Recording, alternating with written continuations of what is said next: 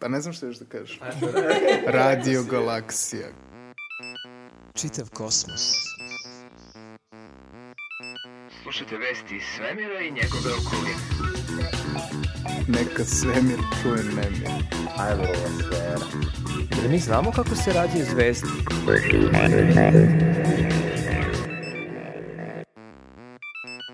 Slušate naučni megafon.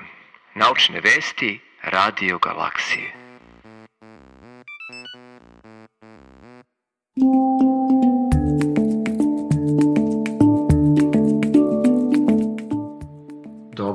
Dobrodošli u novu epizodu Naučnog megafona.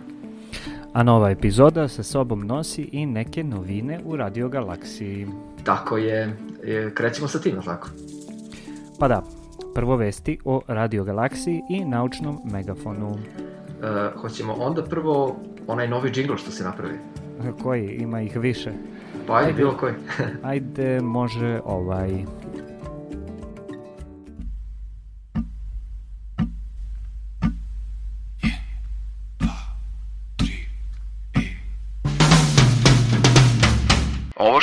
slušate je naučni megafon.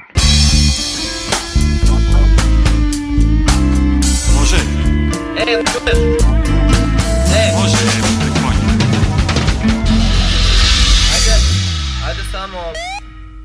Naučne vesti Radio Galaksije.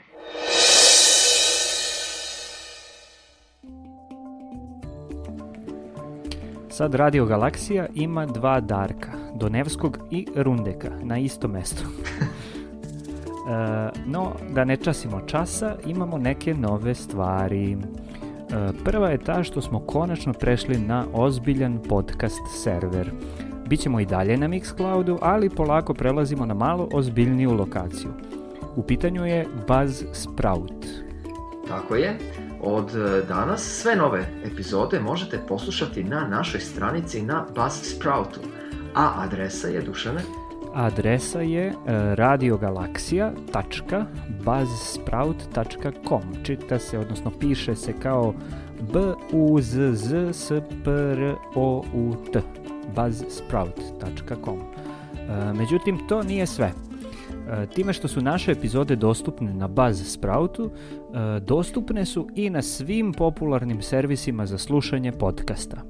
Tako nas možete naći na Spotify-u, e, na Apple-ovoj aplikaciji Podcasts, na iTunesu, na Google Podcastu, na Stitcheru, na TuneInu, Overcastu, Podchaseru, zaboravio sam ih sve, ima ih još. šta to znači? Pa to znači da nas možete slušati na svojim mobilnim telefonima ili računarima putem ovih aplikacija. Na primjer, ako imate Spotify nalog, samo u Spotifyu potražite Radio Galaksije i tamo ćete naći sve epizode Radio Galaksije kao i sve epizode Naučnog megafona. A, ako volite da slušate podcaste na svom iPhoneu, na primjer, onda samo otvorite aplikaciju Podcasts i tamo nas nađete pod imenom Radio Galaksija. I tako dalje. Isto važi za a, razne Android aplikacije, Google Podcast, Stitcher a, i ostale. Zavisno da li kos- koristite Apple, Android ili neki drugi uređaj za slušanje.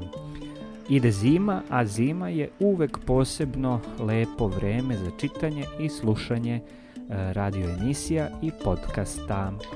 A ono što je takođe velika novina je i to što možete da skinete epizodu i poslušate je čak i kad nemate pristup internetu.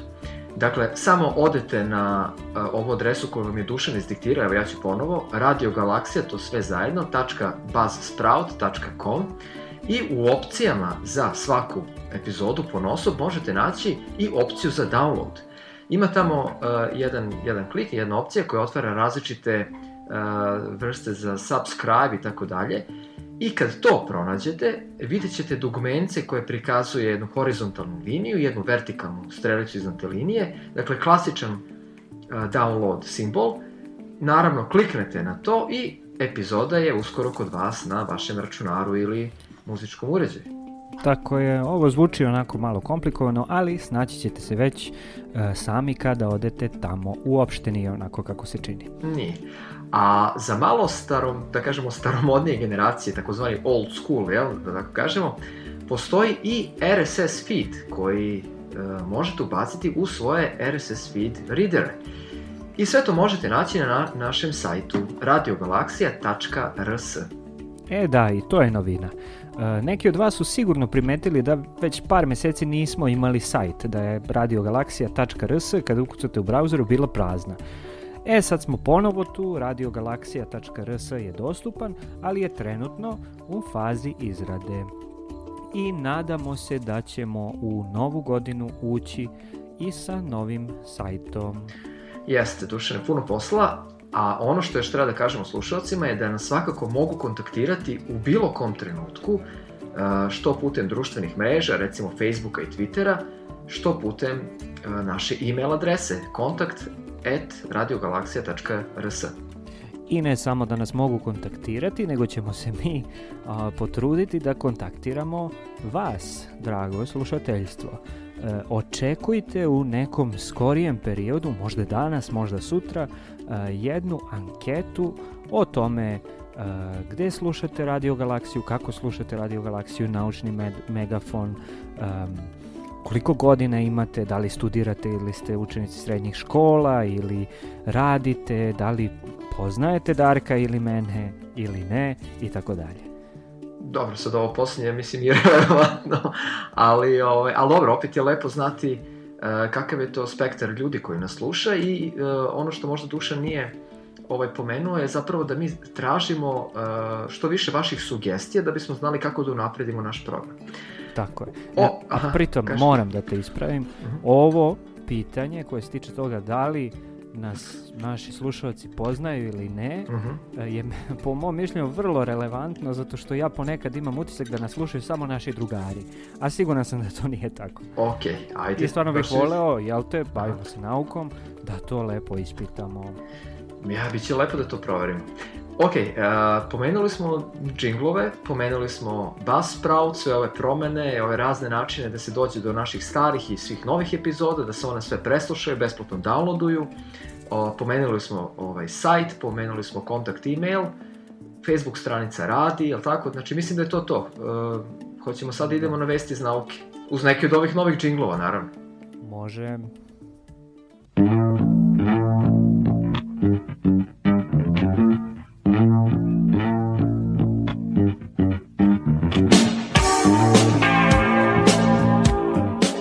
Što slušate je Naučni megafon. Naučne vesti Radio Galaksije.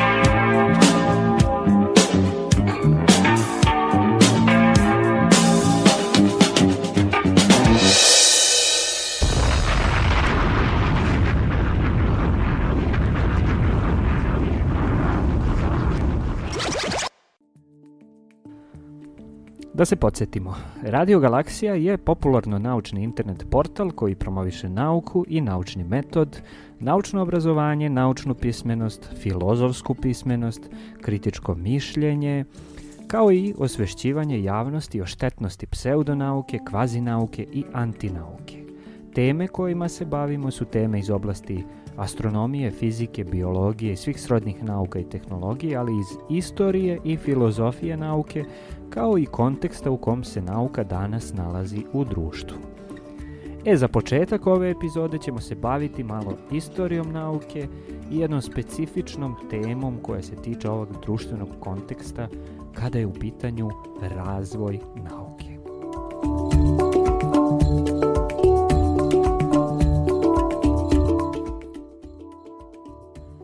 Da li ste se ikada zapitali šta se dešava sa razvojem nauke kada umre neki od velikih naučnika? Na primer, kako se nauka razvila kada je umro Albert Einstein, kako kada je umro Max Planck, kako kada je umro Charles Darwin? Uh, u pitanju je veliki gubitak za nauku i civilizaciju bez pogovora, ali verovatno ima još nešto. Naravno, i naravno ima međutim, Istraživanja u istoriji nauke pokazuju da su smrti velikih i istaknutih i značajnih naučnika zapravo događaji koji otvaraju mnoga vrata za nova istraživanja, daju prostora mladim i manje, manje poznatim istraživačima da se istaknu, daju prostora da se e, nove ideje pojave i tako dalje. E sad ovaj, kada se već pomenuo Maxa Planka, setio sam se da je on izgovorio čuvenu rečenicu da a, nove ideje napreduju u nauci ne samo zato što su istinite, a, već i zato što njihovi protivnici umiru. I to je Max Planck napisao a, pre 70 godina.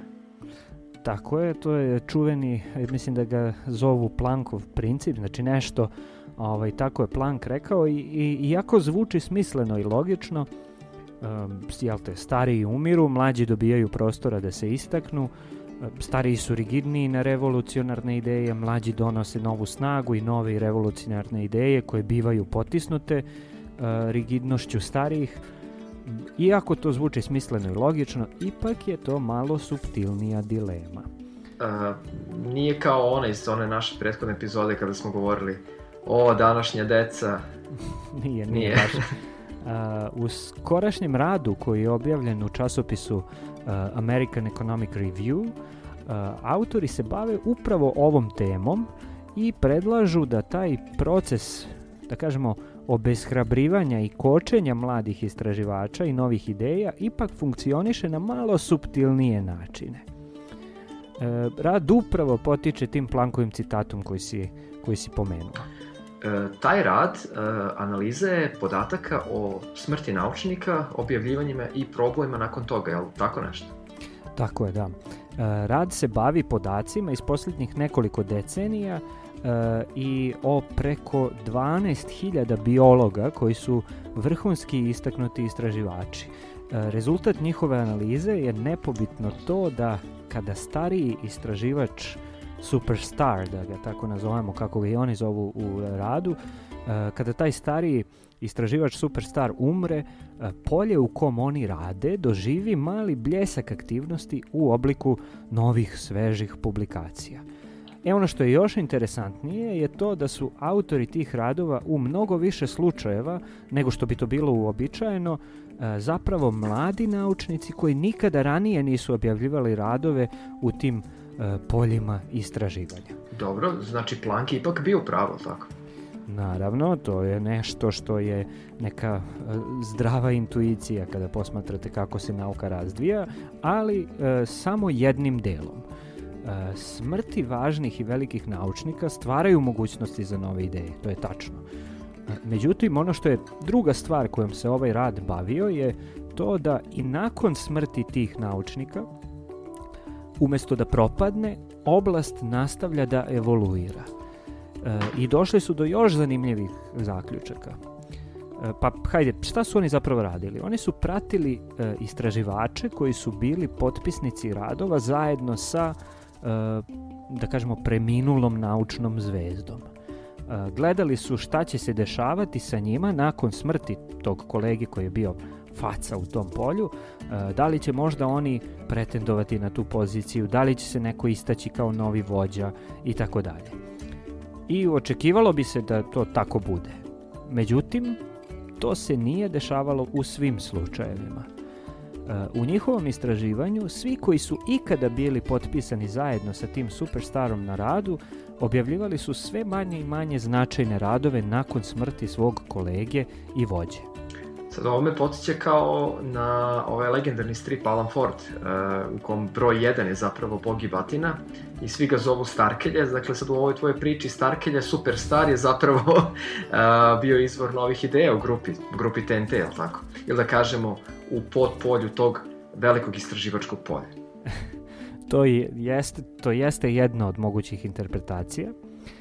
Međutim, zašto je ovaj rad interesantan je to što je otišao malo dalje i sagledao malo širu sliku.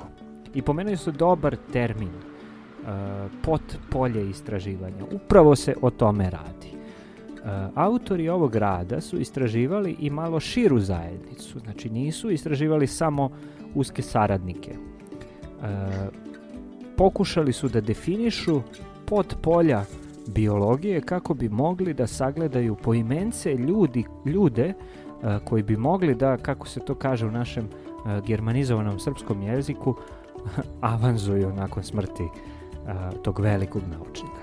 I kako su to uradili? Interesantna stvar.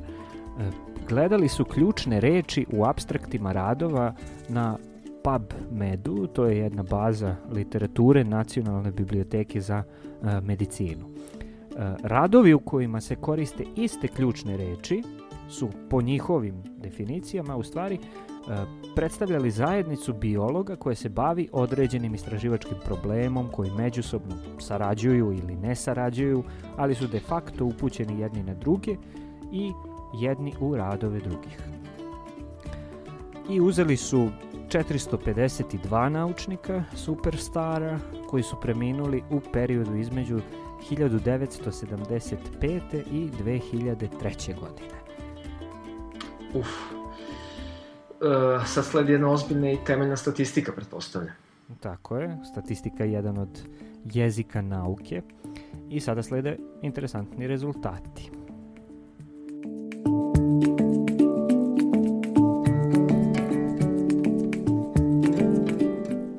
Tokom prve dve godine, nakon smrti velikih naučnika, publikacije u njihovim potpoljima malo porastu. Ali, kako godine prolaze, brojevi se menjaju. Radovi drugih mlađih na, naučnika u tom polj, potpolju rastu godišnje u proseku za 8,6%. Znači to su istraživači koji nisu blisko vezani e, sa tom sa tim velikim naučnikom, nego su u istom potpolju. U isto vreme, radovi koje objavljuju saradnici preminulog doživljavaju pad od oko 20% za godinu dana. I sad ono što je interesantno je da negde nakon pet godina rast od strane tih, da kažemo, novajlija je toliko bitan i stabilan da, da to tako kažemo, pokriva ovaj deficit od strane saradnika preminulog. Drugim rečima, desi se, da kažemo, propadanje, ali se ono preokrene radovima koje objavljuju drugi i mlađi naučnici koji se bave ovim potpoljem, a nisu bili bliski saradnici e, preminulog. Ok, zanimljivo. A kažu li nešto o tome na koji način te Novajlije se bave recimo pod poljem nakon što veliki stari naučnici odu s ovog sveta? Pa, to je jedna siva zona za interpretaciju, da to tako kažemo, e, jer je u pitanju i dalje isto potpolje, ali je veliko pitanje na koji se način te uslovno rečeno nove ideje predstavljaju i pojavljuju u njemu. Znači, da li je u pitanju da kažemo, pokrivanje i proširivanje rada matorih naučnika novim idejama, ili je u pitanju rad koji je protivan onome što su oni radili. To jest da su u pitanju ideje koje su revolucionarne jer su suprotne onim koje su dominirale tim potpoljem, dok su ovi matori superstarovi bili živi. Uh, sad, ja bih ih nazivao nekako više seniori, onako sad Ali, ok, ali pitanje je da li su uh, u pitanju smene paradigmi ili rast, aj tako da kažem, po znacima navode, normalne nauke, regularne nauke, kako bi to veliki filozof ovaj, nauke Thomas Kuhn nazvao u svojoj kultnoj knjizi strukture naučnih revolucija. E, upravo tako, znači, autori ovog rada nisu mogli da izvedu neki konzistentan i isključiv zaključak, ali je interesantno to što ovaj rad sa svim svojim brojkama koje se u njemu nalaze nesumnjivo pokazuje jednu interesantnu E, pojavu prirodne evolucije polja istraživanja rad po rad tokom par decenija novije istorije nauke na primjeru biologije kao jedne e, od, od fundamentalnih nauka.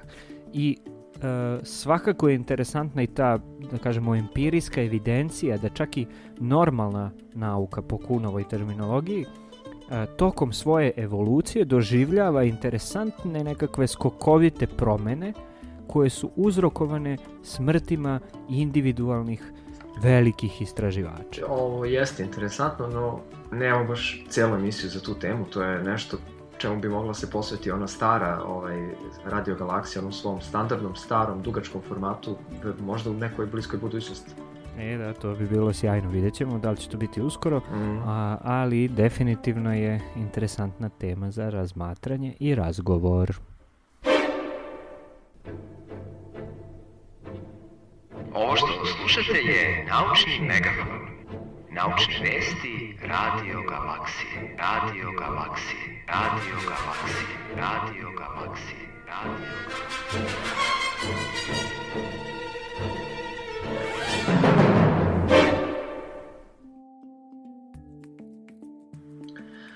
I evo jedne bitne vesti koja nam dolazi od uh, Svetske zdravstvene organizacije.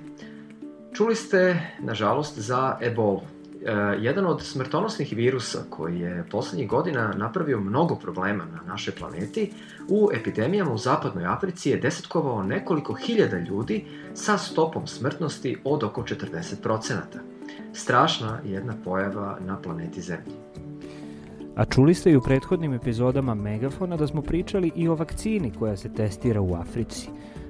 E, testovi su bili pozitivni i 11. novembra su Europska regulatorna tela odobrila ovu vakcinu za distribuciju i korišćenje ne samo u Kongu i Gvineji, kako je bilo do sada, već i širom planete. Tako je, u pitanju je vakcina koja, koju proizvodi uh, američka farmaceutska kompanija Merck, ali ona nije jedina. Uh, ona je jedina koja je testirana tokom epidemije u Kongu i koja se pokazala dovoljno efikasnom u prevenciji infekcije. Uh, ime joj je Ervebo i efikasno se bori protiv ebole koja potiče iz Zaira. Međutim, postoje i druge, da tako kažemo, vrste virusa ebola. Među najpoznatijim i najopasnijim je ona pod nazivom sudanska ebola, koja je uzrokovala sedam poznatih epidemija, koje su se desile u periodu od 1976. do danas. A vakcina ima još nekoliko, tačnije sedam, koje su trenutno u različitim fazama kliničkih testiranja. Jedna od njih, koja će uskoro možda početi da se primenjuje u Kongu, je i vakcina kompanije Johnson Johnson.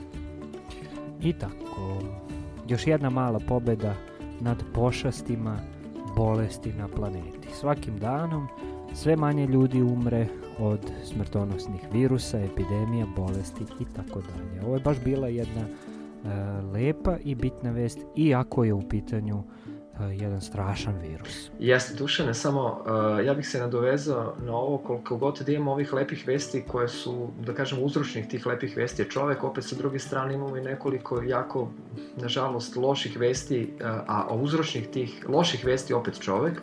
Kao što verovatno naši slušalci koji vole i prate vesti iz prirode znaju, trenutno u Australiji se dešavaju uh, katastrofalni požari koji ne mogu da se ugase već evo nedeljama I ono što je zaista, zaista ovaj, jedna, jedna užasna situacija je sa koalama koje ovaj, gube svoja staništa i kažu da preko 350 koala je ovaj, nastradalo u tim požarima i sada ovi njihovi rescue timovi pokušavaju da, da spasu ove ostale koale sa, sa istočne obale Australije, tako da eto nadamo se da ćemo u narodnoj emisiji imati neke lepe vesti povodom toga.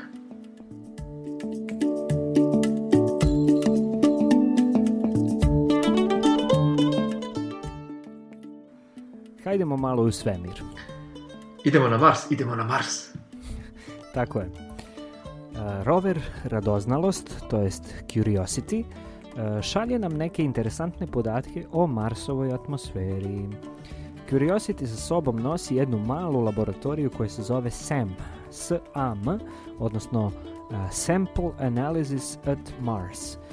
Čini je skup od tri instrumenta za analiziranje organskih materija i gasova kako iz atmosfere, tako i iz uzoraka tla.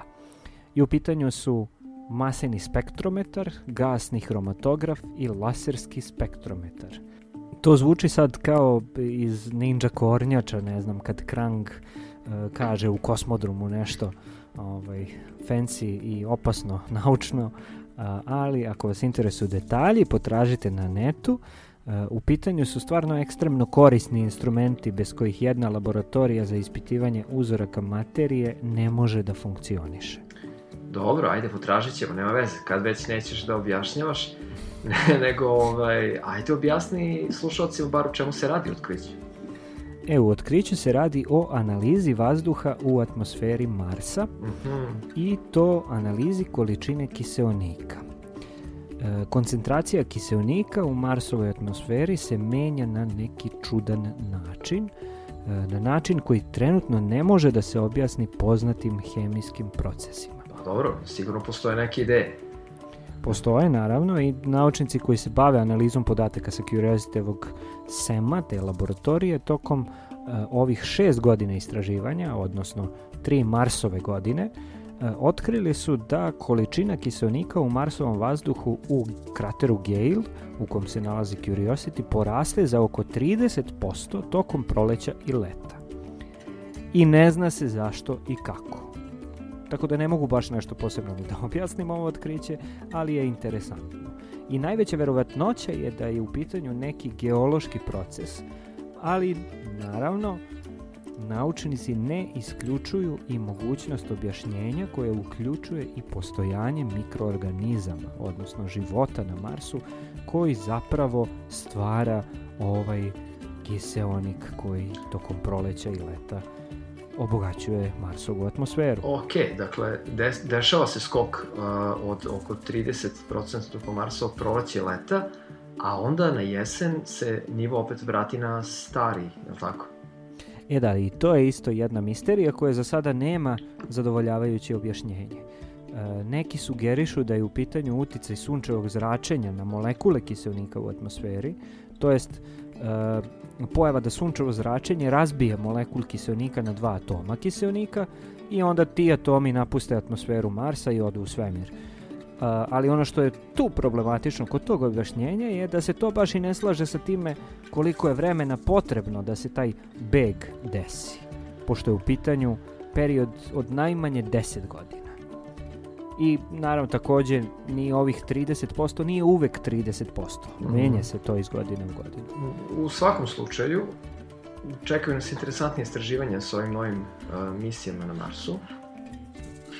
Jeste. I uh, kad smo kod istraživanja svemira i svemirskih misija, evo još jedne vesti. Uh, I kratko ću. Ajde. Letelica Hayabusa 2, uh, ona čuvena japanska sonda koja je sakupila materijal koji potiče od ispod površine asteroida Ryugu, uh, jednog malog asteroida, kilometar u prečniku, vraća se na zemlju. I do duše stići će tek krajem sledeće godine, pošto je krenula uh, nazad 13. novembra, ali to je dovoljna vest za sad. Vesti vezane za ovu svemirsku misiju nas tek čekaju. Ja stvarno iskreno jedva čekam. Uh, koliko li su tek u, u euforiji oni ljudi koji su, koji su u Japanu bave ovom misijom i koji se profesionalno zapravo bave planetarnim naukama i asteroidima, ako si ti tako euforičan, mislim, ja sad pitam. Ja sam uvek ovako euforičan kad su planetarne nauke u pitanju.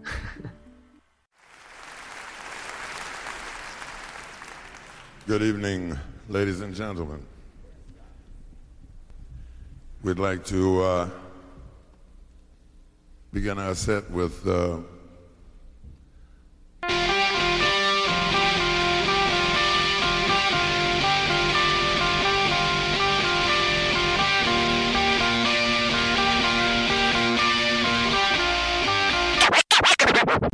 Ovo što slušate je Naučni megafon. Naučne vesti Radio Galaksije.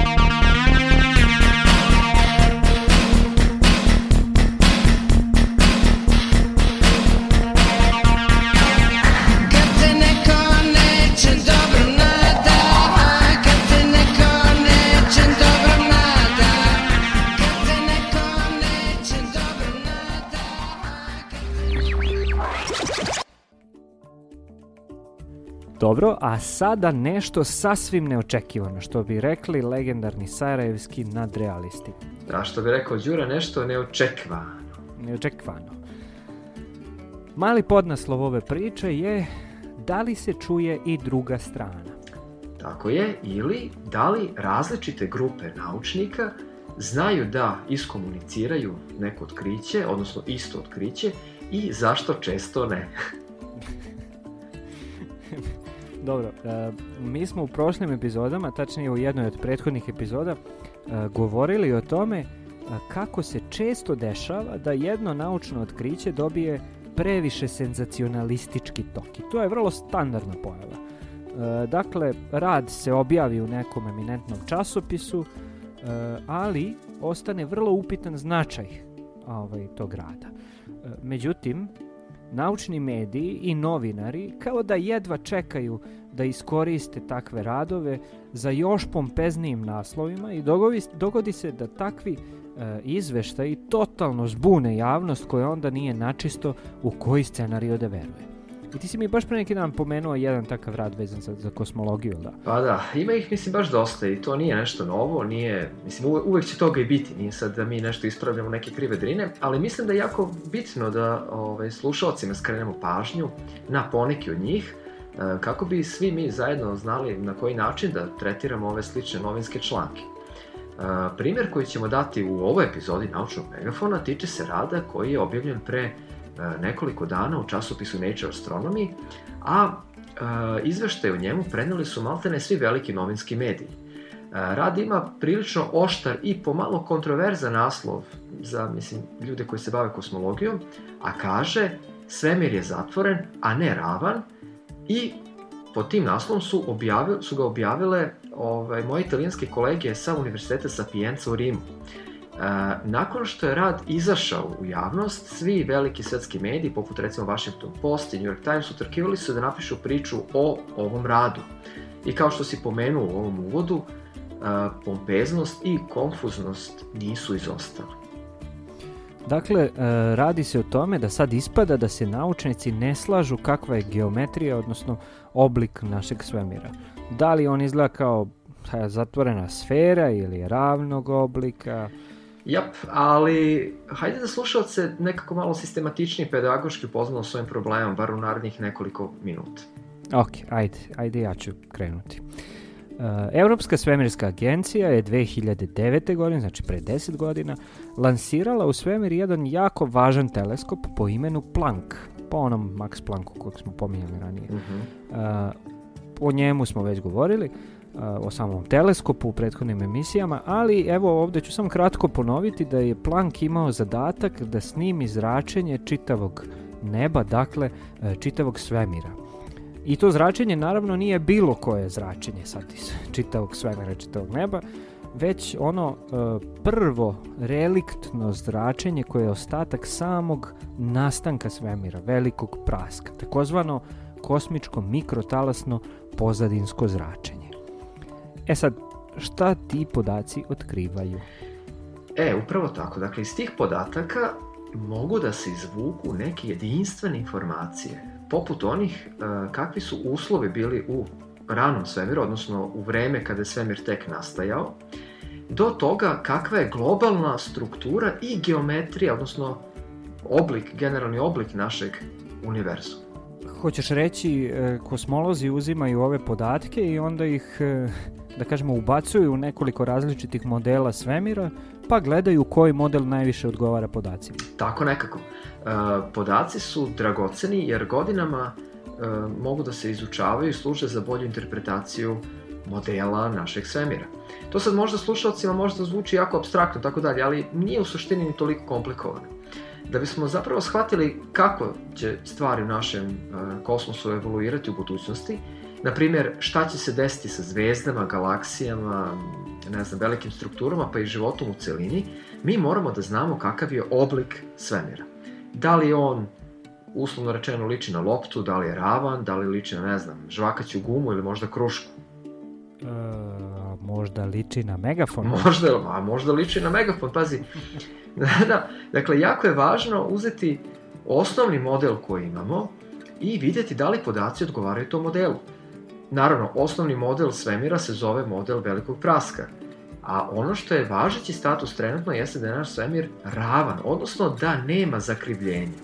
To je recimo, možete da zamislite kao list papira, dakle, eto, naši slušalci mogu da zamisle da je oblik svemira poput jednog lista papira. Ali italijanski kosmolozi iz Rima tvrde da podaci pokazuju suprotno, to jest da je svemir zatvoren poput neke sfere, lopte. Jeste, za isti set podataka koji je snimio isti teleskop, dakle Planck, istom metodom, ova grupa naučnika tvrdi da svemir nema ravnu, već zatvorenu takozvanu sfernu geometriju. To znači da recimo ako krenete iz tačke, ne znam, A u zatvorenom svemiru, putujete jako dugo u istom pravcu, vi ćete se na kraju vratiti u istu tu tačku. Ovo zvuči kao jedan dobar nastavak filma Povratak u bu- budućnost. Pa kao što vidiš, scenariju se piše samo od sebe. Ali a, kako je moguće da iste rezultate, potpuno ista merenja, dva različita tima drugačije tumače? Pa, e, ja sam nedavno na ovoj konferenciji, sad sa kojoj sam upravo doputovo razgovarao, e, se baš sa kao autorkom rada, ovaj, astronomkinjom iz Rima, Eleonorom de Valentino, I evo sad sabiram i dalje neke svoje impresije tog razgovora. Prvo, hm, ovaj, se došlo do pomalo nevjerovatnog saznanja da su jedna i druga grupa radile zajedno pre, pre ovog. Mhm, i, Mislim, pričali smo mi o emisiji ovaj, o, o ovome pre emisije, a, a meni je baš čudno da se ova grupa iz Rima izdvojila iz tima i onda objavila interpretaciju rezultata koja je radikalna, koja nema dobro utemeljenje u drugim podacima. Na primer, ako je svemir zaista zatvoren i, i sferičan, on bi morao da bude mnogo gušći i na taj način e, to bi sprečilo ovo brzo širenje koje je izmereno i za koje su dodeljene Nobelove nagrade 2011. godine. I verovatno bi to imalo i e, implikaciju na detekciju recimo velikih struktura u svemiru kao što su jata galaksije i tako dalje. Sad to moje ovaj, laičko neko ovaj, sagledavanje stvari. E, međutim, ono što trenutni podaci pokazuju je to da ne postoji e, podrška za ovako radikalne izmene i čini mi se da e, te velike strukture evoluiraju u skladu sa trenutnim modelom svemira. Sve ukazuje na to. Mhm. Odnosno, nije baš sve tako crno-belo kao što naučnici neka žele da prikažu, jel, jel da? Pa da, e sad to je ono što sad i pokušamo evo da kažemo slušalcima i pogotovo onim našim slušalcima koji a, nameravaju da se bave naukom, dakle da možda završavaju i magistrati, doktorati i tako dalje. Dakle, kada u podacima postoji problem, desi se da je mnogo pompeznije najaviti neku novu fiziku, neku fantastičnu novu teoriju, neku, neku da kažemo, avangardu, neki kubizam i tako dalje. Ali prva stvar koju treba proveriti je da li možda u podacima postoji neki efekat, neki statistički efekat, neka fluktuacija koja takođe objašnjava model. I e, to je upravo evo ovo što se desilo ovde, kada se ovaj tim rasparčao. Novine najviše vole onaj prvi pokušaj, dakle, e, kad imate novu pompeznu veliku teoremu koja rešava stvar. I to je ono što se nauci zove publication bias, na engleskom ili na srpskom, kako bismo preveli e, pristrasnost objavljivanja. To je nešto što je jako lepo da se vidi da se objavi, ali ne predstavlja reprezentativni uzorak za neki sličan pojam. Recimo, to je kao da slušate interpretaciju neke priče koju pre toga niste čitali, ali čujete samo jednu interpretaciju priče. I onda mislite da je priča recimo naučno fantastična, ali nemate priliku da čujete drugu stranu. Ali kada čujete i drugu interpretaciju, onda shvatite da možda priča više realistična i tako dalje. Dakle, jako je ovaj, ovde sve zavisi zapravo uh, čiju priču slušate i zapravo koliko ste sposobni da sami uvidite gde je neka istina. Dakle, drago naše slušateljstvo, oprezno čak i kada čitate naučno-popularne izveštaje renomiranih medija, renomiranih medija, jer nikad ne znate da li se u njima čuje i ona druga strana. Što znači oprezno i kada slušate naučni megafon. Tako je, tako je. Mi se trudimo da budemo realni, ali znamo i da nismo bezgrešni, to je super, jel? A kad smo kod miskomunikacije, jedna za mnoge čudna stvar dogodila se prethodnih nedelja.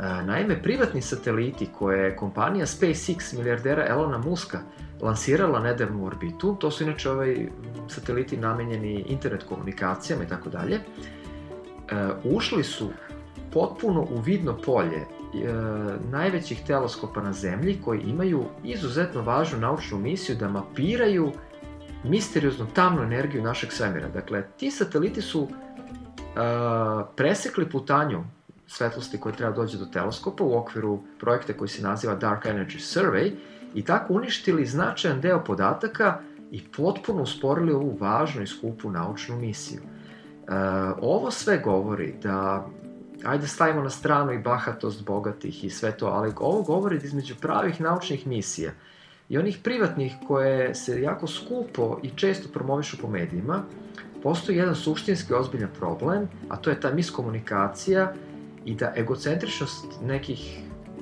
likova, kao što je recimo Elon Musk, može veoma, veoma da uspori nauku i to više nego li da je unapredi.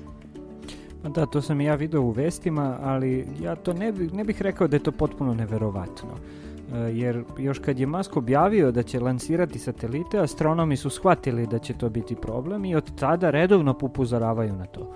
Međutim, očigledno da Musk ili Musk, kako već da se zove, e, ne mari za to uopšte. E, čak su mu i na Twitteru, ljudi mu redovno komentarišu te razne uh, ajde se odvažim da kažem budalaštine koje piše, ali on ne odgovara na to. Evo čak ga je i ovogodišnji dobitnik Nobelove nagrade, Didier Queloz, prozvao na Twitteru baš za, za to uh, i to pre neki dan, uh, a ovaj naravno to samo izignorisao. Pa normalno. I neko bi, neko bi rekao da zvuči suludo, da se o ovako važnim stvarima ne raspravi unapred na nekim višim nivoima, jer da? Međutim, u ovakvom dekadentnom društvu ja mislim da to uopšte nije neverovatno. Čak reklo bi se da se redovno dešavaju takve stvari. Uh, pa pazi, to pokazuje koliko društveno, ako hoćeš, socijalne mreže umanjuju vrednost uh, pravih autoriteta u nekim oblastima. Jer, ovaj, da kažemo, to je taj neki blagi pristup komunikaciji kada socijalne mreže amortizuju jednu efikasnu komunikaciju između ljudi koji zaista su eksperti u tome što rade i nekih koji nisu eksperti u, u naučnim oblastima, ali su prosto bogataši, kao što je slučaj sa Elonom Muskom. E, dakle, te vrste komunikacije ne ostavljaju prostor da se diskusija zapravo dogodi na pravi način. I to je takođe jedan problem, ali ok, to je velika tema za neku drugu emisiju. Ovaj, ono što ova vest svakako potvrđuje da su nekad hirovi vlasnika velikih multikompanija veći od naučnih ciljeva i nama sad ostaje da vidimo šta će se desiti na kraju jer su posmatranja na hiljade lokalnih galaksija bukvalno uništene. A dobro, ne samo galaksija, sad ti malo pristrasan, to je onaj uh, selection bias, odnosno pristrasnost izbora primera astronomskih otkrića koje će uh, Starlink sateliti omesti.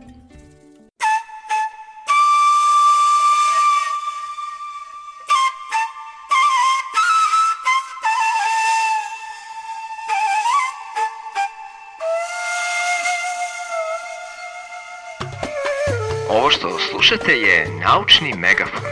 Naučne vesti Radio Galaksije.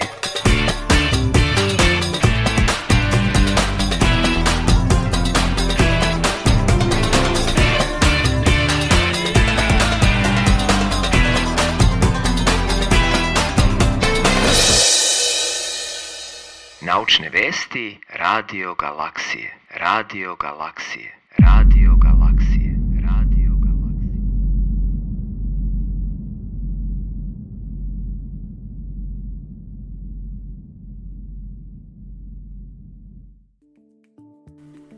E, Dušana, jedna lepa vest. Evo, ćeš da pogađaš o čemu je ovo sledeća priča? E, ako nešto volim, to su ove igrice pogađanja. Ajde, evo, evo, evo lagano. Znači, šta je zajedničko jabukama i pecarošima? e, pa dobro, to je lako. Znači, crvi, gliste, crvići. Jeste. Dakle, za sve vas, dragi slušalci, koji volite kišne gliste, ja sam jedan od ogromnih ljubitelja kišnih glista, ova prethodna priča je razvila među nama svima jedan crv sumnje, toliko da smo našli jednu divnu vest koja se upravo time i bavi. Dobro, da, ne, ne bavi se sumnjama, ali se bavi crvima, odnosno zemljanim crvima, odnosno kišnim glistama. Mada, Mada, zapravo bavi se jednim i drugim, jel? A, jer mi ne znamo koliko kišnih glista a, ima na planeti.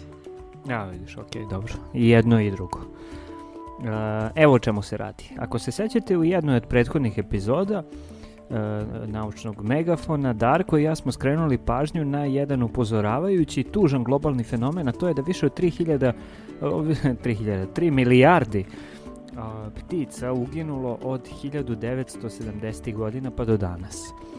E, I to je bilo jedno istraživanje nekolicine severnoameričkih instituta. E to je podstaklo i motivisalo jednu drugu grupu naučnika da uradi sličnu mapu rasprostranjenosti i za kišne gliste. Tako je. Priča o izučavanju kišnih glista i njihovom značaju datira daleko i 1881. godini kada je slavni biolog eh, Charles Darwin, nakon što je objavio svoju knjigu o poreklu vrsta, počeo intenzivno da se bavi izučavanjem kišnih glista. To mu je bilo i posljednje istraživanje pre smrti godinu dana kasnije. A gotovo vek i po nakon tog njegovog pionirskog poduhvata, naučnici sa instituta u Leipzigu u Nemačkoj predvođeni doktorkom Helen Phillips i njenim kolegama objavili su veliki pregled, odnosno mapiranje kako zemljanih crva u e, kompostu, tako i poljskih i kišnih glista, ili kako se na latinskom zovu Lumbricus terrestris. Zvuči kao neka e, magijska reč. Rad je objavljen u časopisu Science i oni su istražili oko 6000 lokacija širom 50 država sveta i napravili presek njihovog kretanja, staništa, ishrane. Mnogi ljudi, a mi smo ne baš malo egoistična vrsta koja često podcenjuje značaj drugih vrsta, e, zanemaruju ili uopšte ni ne znaju kakav je značaj kišnih glista. Jedan primer je kada govorimo o kvalitetu zemljišta. Jeste, e, a ako, ako u vrtnoj zemlji ima dosta kišnih glista, to znači da se zemlja e, nalazi u prilično prirodnom stanju, da to tako kažemo, da sadrži organsku materiju i da se humus obnavlja. Gde ima kišnih glista, ima i dovoljno manjih organizama koji pripremaju hranu za biljke. Zato vrtlari i biolozi smatraju kišne gliste jako važnim stanovnicima zemlje, koje treba hraniti, štititi, spašavati od oruđa, kada preplašeno beže iz otvora u zemlji na sve strane, pa čak i posebno uzgajati ako ih u početku u zemlji nema dovoljno.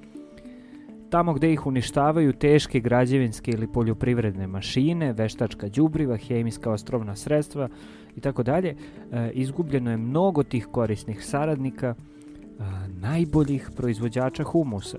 I evo takođe bih samo da dodam da je opasno oruđe po njih i motika jednog, da kažemo, neobrazovanog čoveka koji često to motikom maše potpuno bez ikakvog reda i smisla, ovaj, uništavajući u zemljištu ova stvorenja koja zapravo to zemljište čuvaju.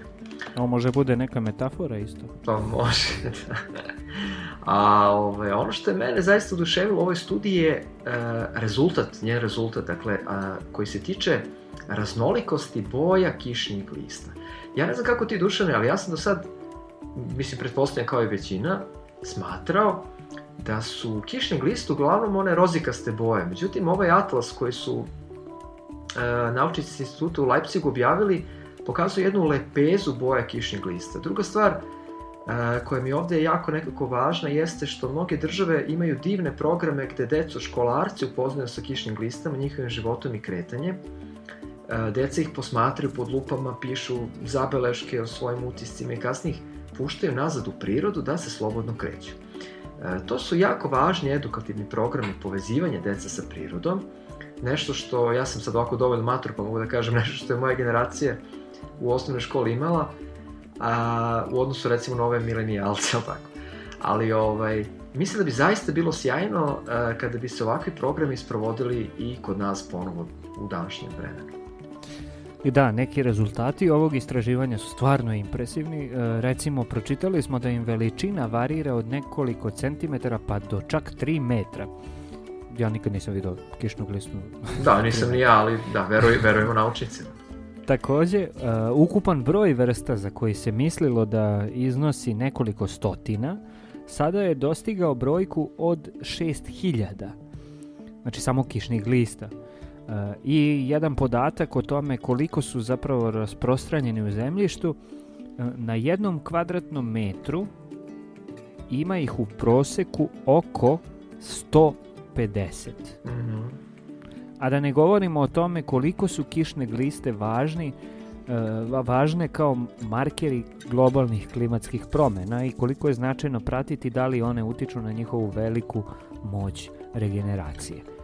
I pored ovog što Dušan rekao, jedna poruka svima vama, e, posetite sajtove koji se bave ovim divnim i pomalo tajanstvenim životom kišnih glista, izuzetno važnih vrsta za očuvanje našeg životnog okruženja. Ako pravilno i uspešno razumemo njihove potrebe i način na koji sprovode aktivnosti, e, razumećemo i život koji se odvija ispod naših stopala. Kao početna tačka traganja za sve znatiželjne, mi ćemo na našoj Facebook stranici, stranici e, postaviti video koji je objavljen u produkciji engleske redakcije BBC-a i koji se bavi time koliko su kišne gliste važne za ostrovska podneblja, poput recimo onog na Velikoj Britaniji. I Uživajte. ne samo, da, i ne samo na Facebook stranici, bit će taj video i u opisu ove epizode kada je budemo postavili na internet. Eto. Ovo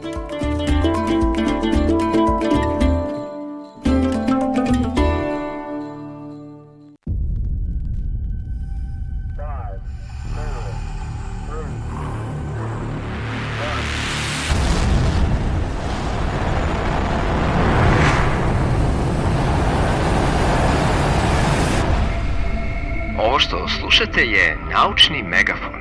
Naučne vesti Radio Galaksije.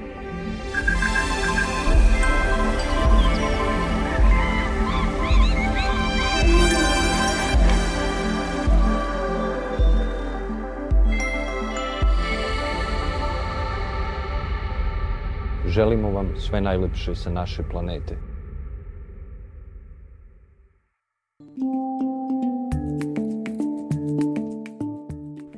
Nakon još jednog našeg novog džingla, podsjećamo sve vas koji ste možda propustili našu prethodnu epizodu da odete na najbliže mesto od svih onih uh, Buzz, Sprouta, Spotify-a, podcasta i tako dalje i poslušate je. A zašto? Pa zato što smo u prethodnoj epizodi govorili o muzičkim zapisima letelice Voyager i o univerzalnim porukama poslatim sa Zemlje u svemir. U ovoj vesti govorimo upravo o tome da se čak i nauka saglasila da je muzika jedan veliki univerzalni jezik zasnovan na istim paternima. Evo, u prošloj nedelji objavljena su dva nezavisna istraživanja koja to potvrđuju. I evo, sa Dušane, na početku emisije, odnosno u sredini emisije smo govorili o, o ovaj, razmimoilaženju u zaključcima oko jednog te istog merenja, a ovdje imamo baš nešto lepše i potpuno suprotno. Dakle, dva nezavisna istraživanja koje potvrđuju jednu istu stvar. To je baš lepi redak slučaj da istraživanje iz najizgled potpuno različitih oblasti sa različitim metodama dođu do zaključka. A ti ćeš reći koji je zaključak? E, da, jedna grupa naučnika sa Harvarda ispitala je muzičku zaosta, zaoštav, za, zaostavštinu e, kultura širom sveta, dok je druga grupa naučnika koja se bavi kognitivnom biologijom sa univerziteta u Beču ispitala e, da li i kako muzikalnost ujedinjuje potpuno različite kulture na zemlji. I obe studije složile su se da Složile su se da je muzika zaista univerzalan jezik. Um, pre svega, taj zaključak se odnosi na način na koji različite kulture tretiraju tip muzike, odnosno vrstu muzike, prema svojoj nameni. Ako hoće da prave uspavanke, recimo sve kulture sveta koriste, na primjer, tihi i blage muzičke tonove, jel, niko ne pušta, ne znam, Motorhead ili Iron Maiden kao uspavanku, mada Mada vidiš, možda bi mogla ovaj, još neka studija i na tu temu. Ali da, to možda deluje jasno vidljivo, ali nije bilo ovako sistematskih naučnih potvrda. Recimo, kada je igra u pitanju, e, muzika za igru u svim kulturama ima slične odlike, brze ritmove, na primjer. I evo možemo naša narodna kola da uzmemo kao primjer. E, ono što je zanimljivo, taj odnos se nije menjao tokom vekova. Dakle, nije se dešavalo da se drastično menjaju visine tonova, bilo su u pitanju povišeni ili sniženi, sa motivom koji je melodiju inicirao. Inače, koliko se sećam, uh, ti si beše pre neke dve, tri godine uh, objavio na srpskom jedan veliki intervju i priču sa jednom um, američkom naučnicom, ako se dobro sećam, koja je je baš nešto radila vezano za to, za as povezivanje muzike, neuronauke i tako dalje. Tu je nešto bilo u Centru za promociju nauke, jel da? Jest. To je priča o jednoj od koautorke ovog rada, jednog od ova dva rada koje smo pomenuli, a inače reč je o naučici koja je trenutno postdoktorski istraživač na MIT-u u Massachusettsu, e, iz- ona se zove Grace Leslie. E, ona inače mapira muziku ljudskih emocija i ima jedan potpuno nestandardni pristup gde ona i njeni saradnici idu tako po raznim gradovima e, i stvaraju novu, da kažemo, skalu merenja emo, emocijalnih reakcija raznih ljudi na različitu muziku. I uh, kako je ona znači pravila te razne ovaj eks, ta eksperimentalna merenja, tako je i pravila uh, teorijski okvir za ta merenja. Znači, to je vrlo komplikovana stvar, jer kad nešto merite morate da imate model da biste razumeli šta merite. I ona je došla do zaključka da ove razne mu- muzike prate i različite hipoteze o reakcijama mozga. I da bi uspešno sve to objasnila, ona je pribegla igrama. Kao što si rekao, igre imaju ritmičnost, one naročito zahtevaju određeni twist takođe moždanih aktivnosti tokom učestvovanja u, u tim igrama i mogu da posluže kao idealni simulator reakcija koje očekujemo da detektujemo kod određenog ispitanika. I ono što je recimo Sar, što je Grace Leslie uh, uradila, ona je učestvovala u istraživanju u kom ti ja sad govorim u ovoj emisiji i mislim da je divno sad ovde reći kako su muzičke igre kao domen u koji su integrisani svi navedeni činioci, dakle otvaraju relativno jednostavni praktično izvodljiv obrazac za kombinaciju, na primer, teorije igara kao što je u matematici, misalnih igara, na primer Go ili šah, e, društvenih igara, školice, lastiš, ne znam, plesni igre, e, recimo možete da zamislite e, neke kompleksnosti kao što su veze emocije tehnike u tangu, fizika takođe, na primjer elektromagnetizam i tako dalje.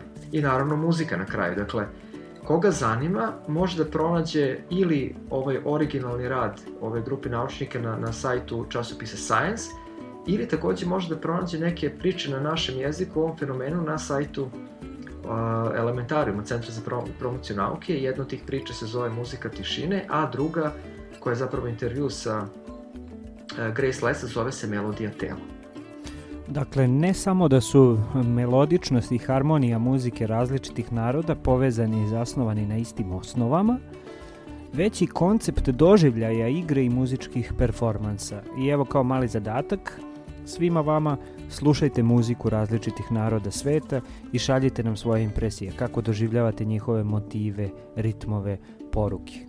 Ovo je sad na neki način i reklama za moju emisiju Nightwave Sessions. Da, ja to nisam hteo direktno da kažem, ali eto to. To, to su kao skri, skrivene, subverzivne poruke naučnog megafona. E, ok, polako se bližimo kraju emisije i hajde da pomenem ukratko šta smo još, ako smo još nešto izvojili iz vesti protekle dve nedelje. Hajde, na brzinu čisto da pomenemo, a vi, drago slušateljstvo, e, istražite više i pišite nam ako smo pogrešno procenili što smo neku od ovih vesti zanemarili i samo smo je kratko pomenuli.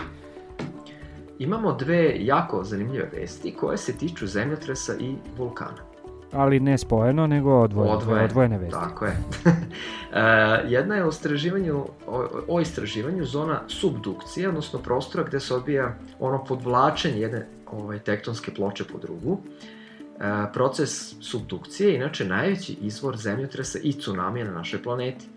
E, I teško istraživati ove lokacije. Brodovi su skupi, GPS na površini zemlje teško da može to da radi, radio talasi ne mogu uvek da prodru duboko dubine okeana i tako dalje. Međutim, u časopisu Science opet jel, izašao je rad koji se bavi time kako dronovima e, možemo da istražujemo ove pojave i, jel tako, Dušan, ima nekih i obećavajućih rezultata. A druga vest se tiče vulkana, odnosno predikcija vulkanskih erupcija. E, takođe jednog e, jako bitnog polja istraživanja, pogotovo za ljude koji žive u oblasti vulkana, da?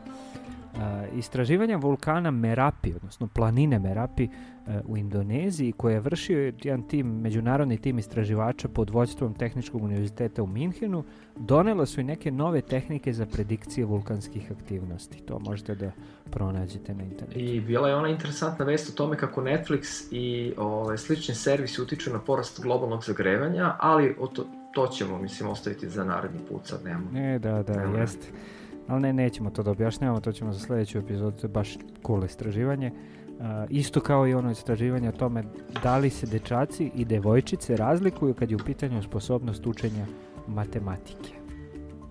Eto, malog tizera za sledeću epizodu nije od kuda. Eto, dobro. Dakle, dolazimo do kraja emisije. E da, ali ima, nismo još pomenuli ovaj, neke stvari. Nismo pomenuli jednu jako bitnu vest, moji doktore. Čekaj. A da, okej, da. Nismo, a realno jeste užasno bitna. Doktorat Siniše Malog napokon se poništava. Najpoznatiji doktor nauka u Srbiji više neće biti doktor. Sad će biti samo Siniša Mali. Mali. To je ohrabrujuća vest koja se tiče nauke u Srbiji koju smo ostavili za kraj.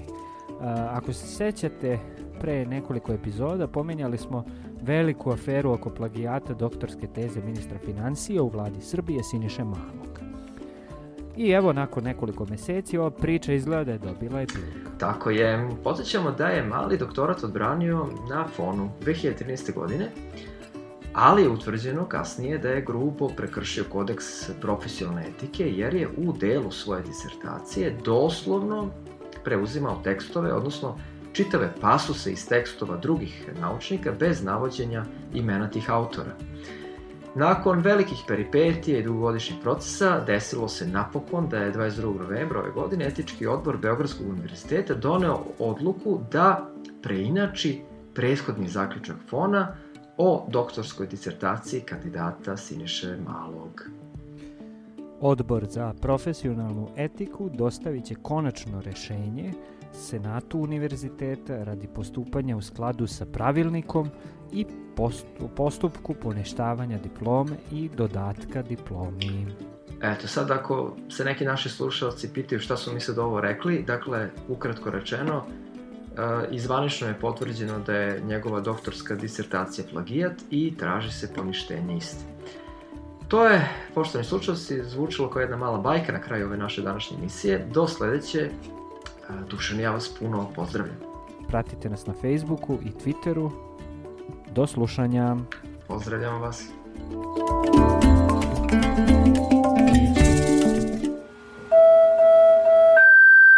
Ovo što slušate je Naučni megafon.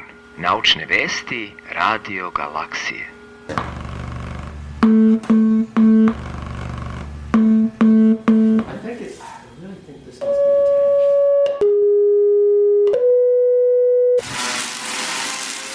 Naučne vesti Radio Galaksije.